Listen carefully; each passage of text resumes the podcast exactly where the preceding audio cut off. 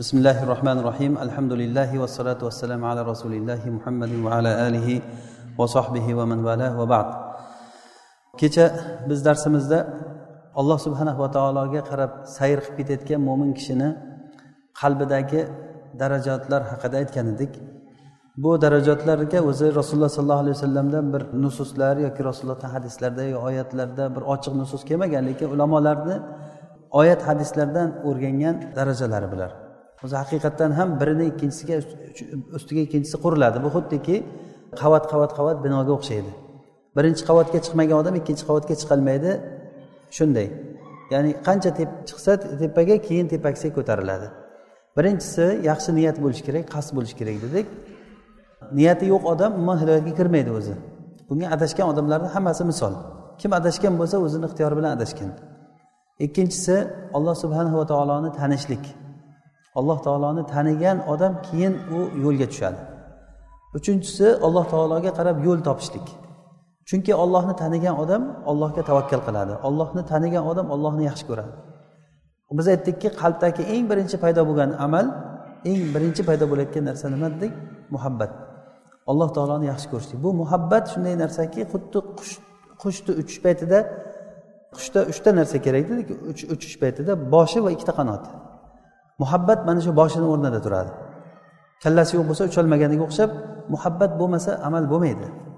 Har qanday amalga muhabbat kerak. Ilgari salaflarni holatlarini biz agar e, kitoblarda o'qib qarasak bir hayron qolarlik darajada ibodatlarni ko'ramiz. Masalan bir kechasida qur'onni xatm qilganliklari kunduzi bilan jihod maydonlarida yurib kechasi bilan tahajjud o'qib namoz o'qib chiqqanliklarini o'qib ular qanaqa odamlar ekan? Charchamaganmikan ular? Degan savolga hozirgi kunda javob chiqdi. Mana bu internet whatsapplar chiqqandan keyin. Charchamaydi odam. Shunga qarab o'shani chuqalab o'tiraveradi. Soatlab charchamaydi uxlamaydi. Kerak bo'lsa kechasi bilan internetni oldida o'tiradi. Ertalabgacha uxlamaydi. Qiyomda bo'lar ekanman uxlamay. Kunduzi bilan ishlagan bola o'sha bola. Kunduzi bilan ishlab ishlab kechasi bilan kino ko'rib chiqishi ham mumkin. Charchamaydi. Nima uchun? O'sha muhabbat borligi uchun. Demak odamda muhabbat bo'lsa charchamas ekan. Bu muhabbat qayerdan keladi? Alloh subhanava taoloni tanishlikdan keladi. Mana hozir oyatlarda bizga qancha qancha oyatlar o'tyapti.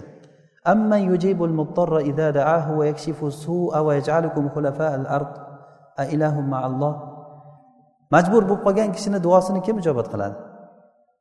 Kim yomonliklarni ochib yuboradi? Kim nusrat beradi? Kim kasalga shifo beradi? Kim kim kim savollar kelaveradi? Hammasini javobi olloh olloh beradi. Bizga qiyinchiligimizda kim yordam beradi? Kim bizni yaratdi o'zi? Kim rizq beryapti bizga? Ollohdan boshqa rizq beruvchilar bormi? Qani biror aytsinchi men rizq beraman deb turib odam o'zini o'zi taomlantirolmaydi.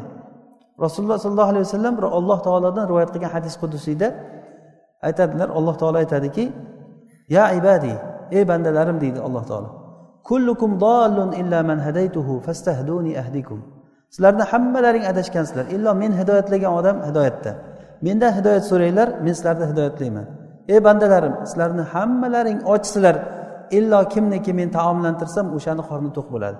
Mendan taom so'ranglar taom beraman. Ey bandalarim hammalaring yalang'ochsizlar illo kimgaki men kiyim bersam o'shani ustida kiyim bo'ladi. Bizni ustimizdagi kiyimlarni olloh berdi. Agar alloh taolo olib qo'ysa bu kiyimni odam yalang'och qoladi. Hech qanday sizni tadbirkorligingiz ham cho'ntagingizdagi pulingiz ham hech narsa kor qilmaydi.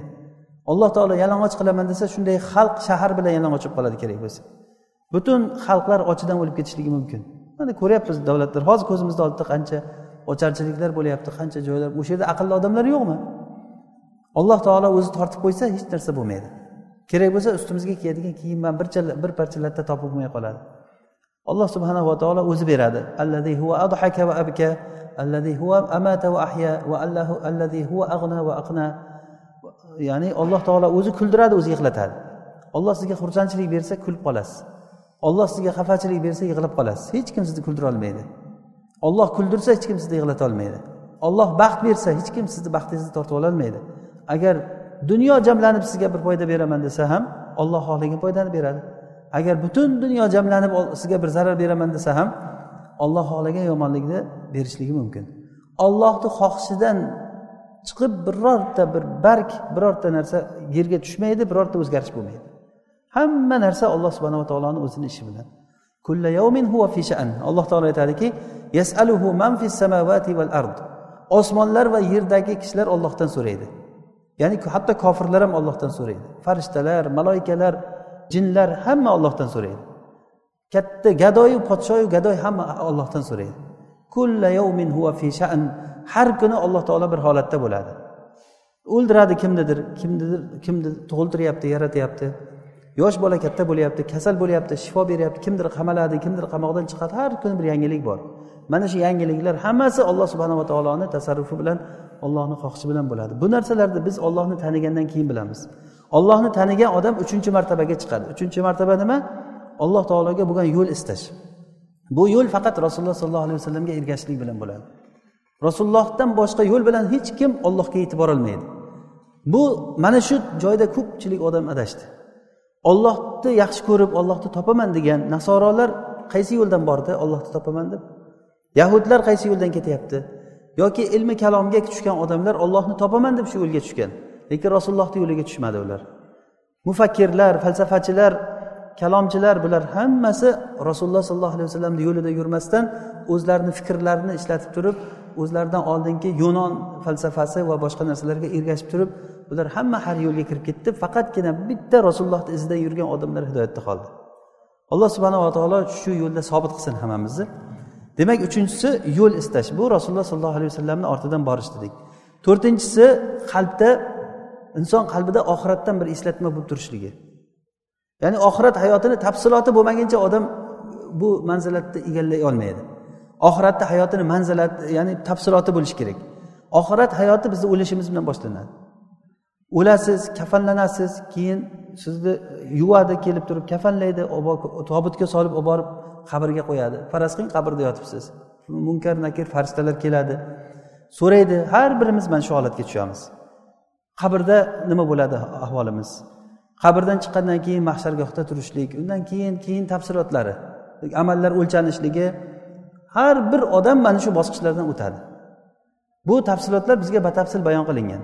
Mana shu holatni ko'rib turgan odam ko'zi bilan yaxshi ko'rsa oxirat hayotidagi tafsilotni qanchalik yaxshi bilsangiz to'rtinchi manzilat bu. Undan keyin beshga ko'tariladi u nima? Dunyodan zohid bo'lishlik degani. Dunyodan oxiratdan zohid bo'lmagan odam dunyodan zohid bo'lolmaydi oxiratga ishonmagan odam dunyodan zohid bo'lolmaydi oxiratga ishonmagan odam oxiratga ishonish degani faqat ishonamiz oxiratga deb qo'yish bilan bo'lmaydi. Oxiratni tafsilotiga ishonish kerak. Nima uchun odam ishlab mehnat qilib peshana terib topgan pulini berib yuboradi birovga?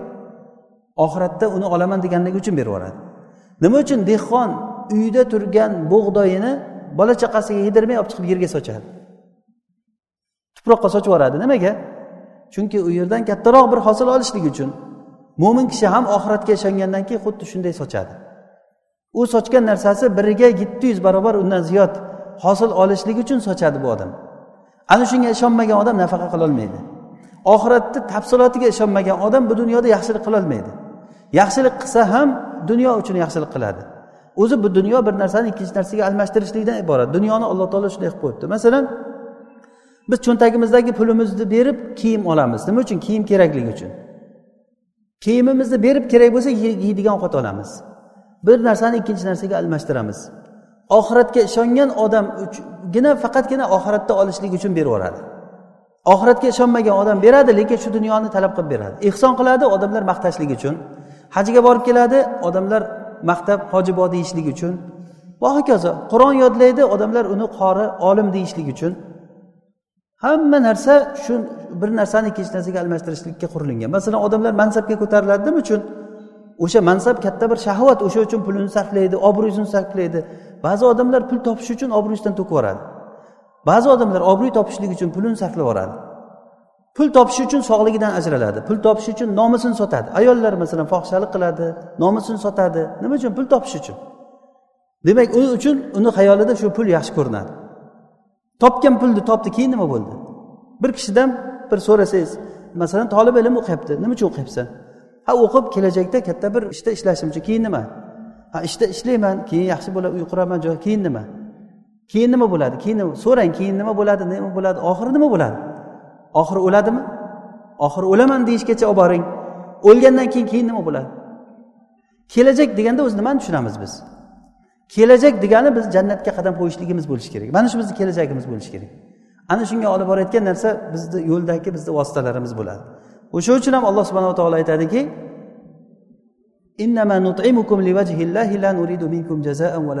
biz sizlarni olloh uchun taomlantiramiz. Sizlardan biror bir jazo biror bir shukur talab qilmaymiz degan. Mana shu ma'no masalan al hakumut takassur surasida xuddi shu ma'no kelgan. Al hakumut takassur sizlarni dunyoda musobaqa qilishlik sizlarni g'aflatda qoldirdi. Hatto zurtumul maqobir hatto qabrga borguncha bir birlari bilan talashdilaring. Keyin surani davomida alloh taolo nima deyapti? Kalla savfa ta'lamun summa kalla savfa ta'lamun kalla lav ta'lamuna ilmal yaqin latarawunnal jahim. Sizlar jahannamni ko'rasizlar oxiratni eslatyapti alloh taolo. Ko'rdingizmi oxiratni eslashlik bu to'rtinchi manzilat. To'rtinchi manzilatga qaytaryapti alloh taolo o'sha manzilatni eslagan odam dunyoda kim o'zarlik qilmaydi. Mana bu oyatdan bu tartiblar oyat hadislarni tushunchasidan olingan. Kim dunyoda zohid bo'ladi? Zohid bu zohid bu deyishlik hamma gapiraveradi zohid bo'lmaydi hech kim. Dunyo yo do'stlar dunyo harom san tashlab yubor man topib olay deganday bo'laveradi. Dunyo harom qo'y tashla deydida tashlasa o'zi olib ketaveradi. U bir birimizga qilgan va'zimiz mana shunday bo'lib qolaveradi. Dunyoni kim tashlaydi? Oxiratga qattiq ishongan odam. Mana bu odamlarni misoli sahobalar bo'lgan. Butun moli dunyosini alloh taolo uchun olib kelib shunday sarflab yuborgan mana abu bakr roziyallohu anhu usmon roziyallohu anhu. Bu bizni beshinchi manzilatimiz. Oltinchisi tavbani doim inson tavbada yurishlik kerak. Tavba qilib alloh taolodan tavba qilib yurishlik kerak. Bu martabaga yetish uchun oxiratga ishonish kerak va dunyoni tark qilish kerak odam. Tavba qil desa nima tavba qilaman deydi ba'zi odamlar bor. Men nima qildim tavba qilishga deydi. Ko'ryapsizmi? Nima uchun bunday deyapti bu odam? Chunki bu birdan o'sha beshinchi qavatga chiqib qolganligi uchun. Oltinchi qavatga pastni bilmaydi ollohni tanimaydi rasulullohni yo'lini bilmaydi. Rasulullohni yo'lini bilgan odam qanday namoz o'qish kerakligini biladi. Qanday namoz o'qishligini bilgan kerakligini bilgan odam. Oxiratda namoz o'qiganlarga nima bo'ladi o'qimaganlarga nima bo'ladi? Bularni bilgan odam qo'rqadi keyin namoz o'qigandan keyin keyin istig'for so'raysiz. Shuning uchun ham namozdan salom bergandan keyin nima deb duo qilamiz? Astag'firulloh astag'firulloh allohumma anta salamum nima uchun? Nima namoz o'qib turib istig'for so'raymiz? Chunki olloh aytganday namoz o'qiy oldikmi biz? Olloh aytganday namoz o'qiy olmaganligimiz uchun istig'for so'raymiz. Namoz o'qib istig'for so'raymiz. Ro'za tutdik olloh xohlaganday tutdikmi? Kim ayta oladi men olloh xohlaganday ro'za tutdim deb? Kim ayta oladi olloh xohlaganday zakot beryapman olloh xohlaganday joylarga beryapman olloh xohlaganday men e, ishlarni qilyapman deb kim ayta oladi?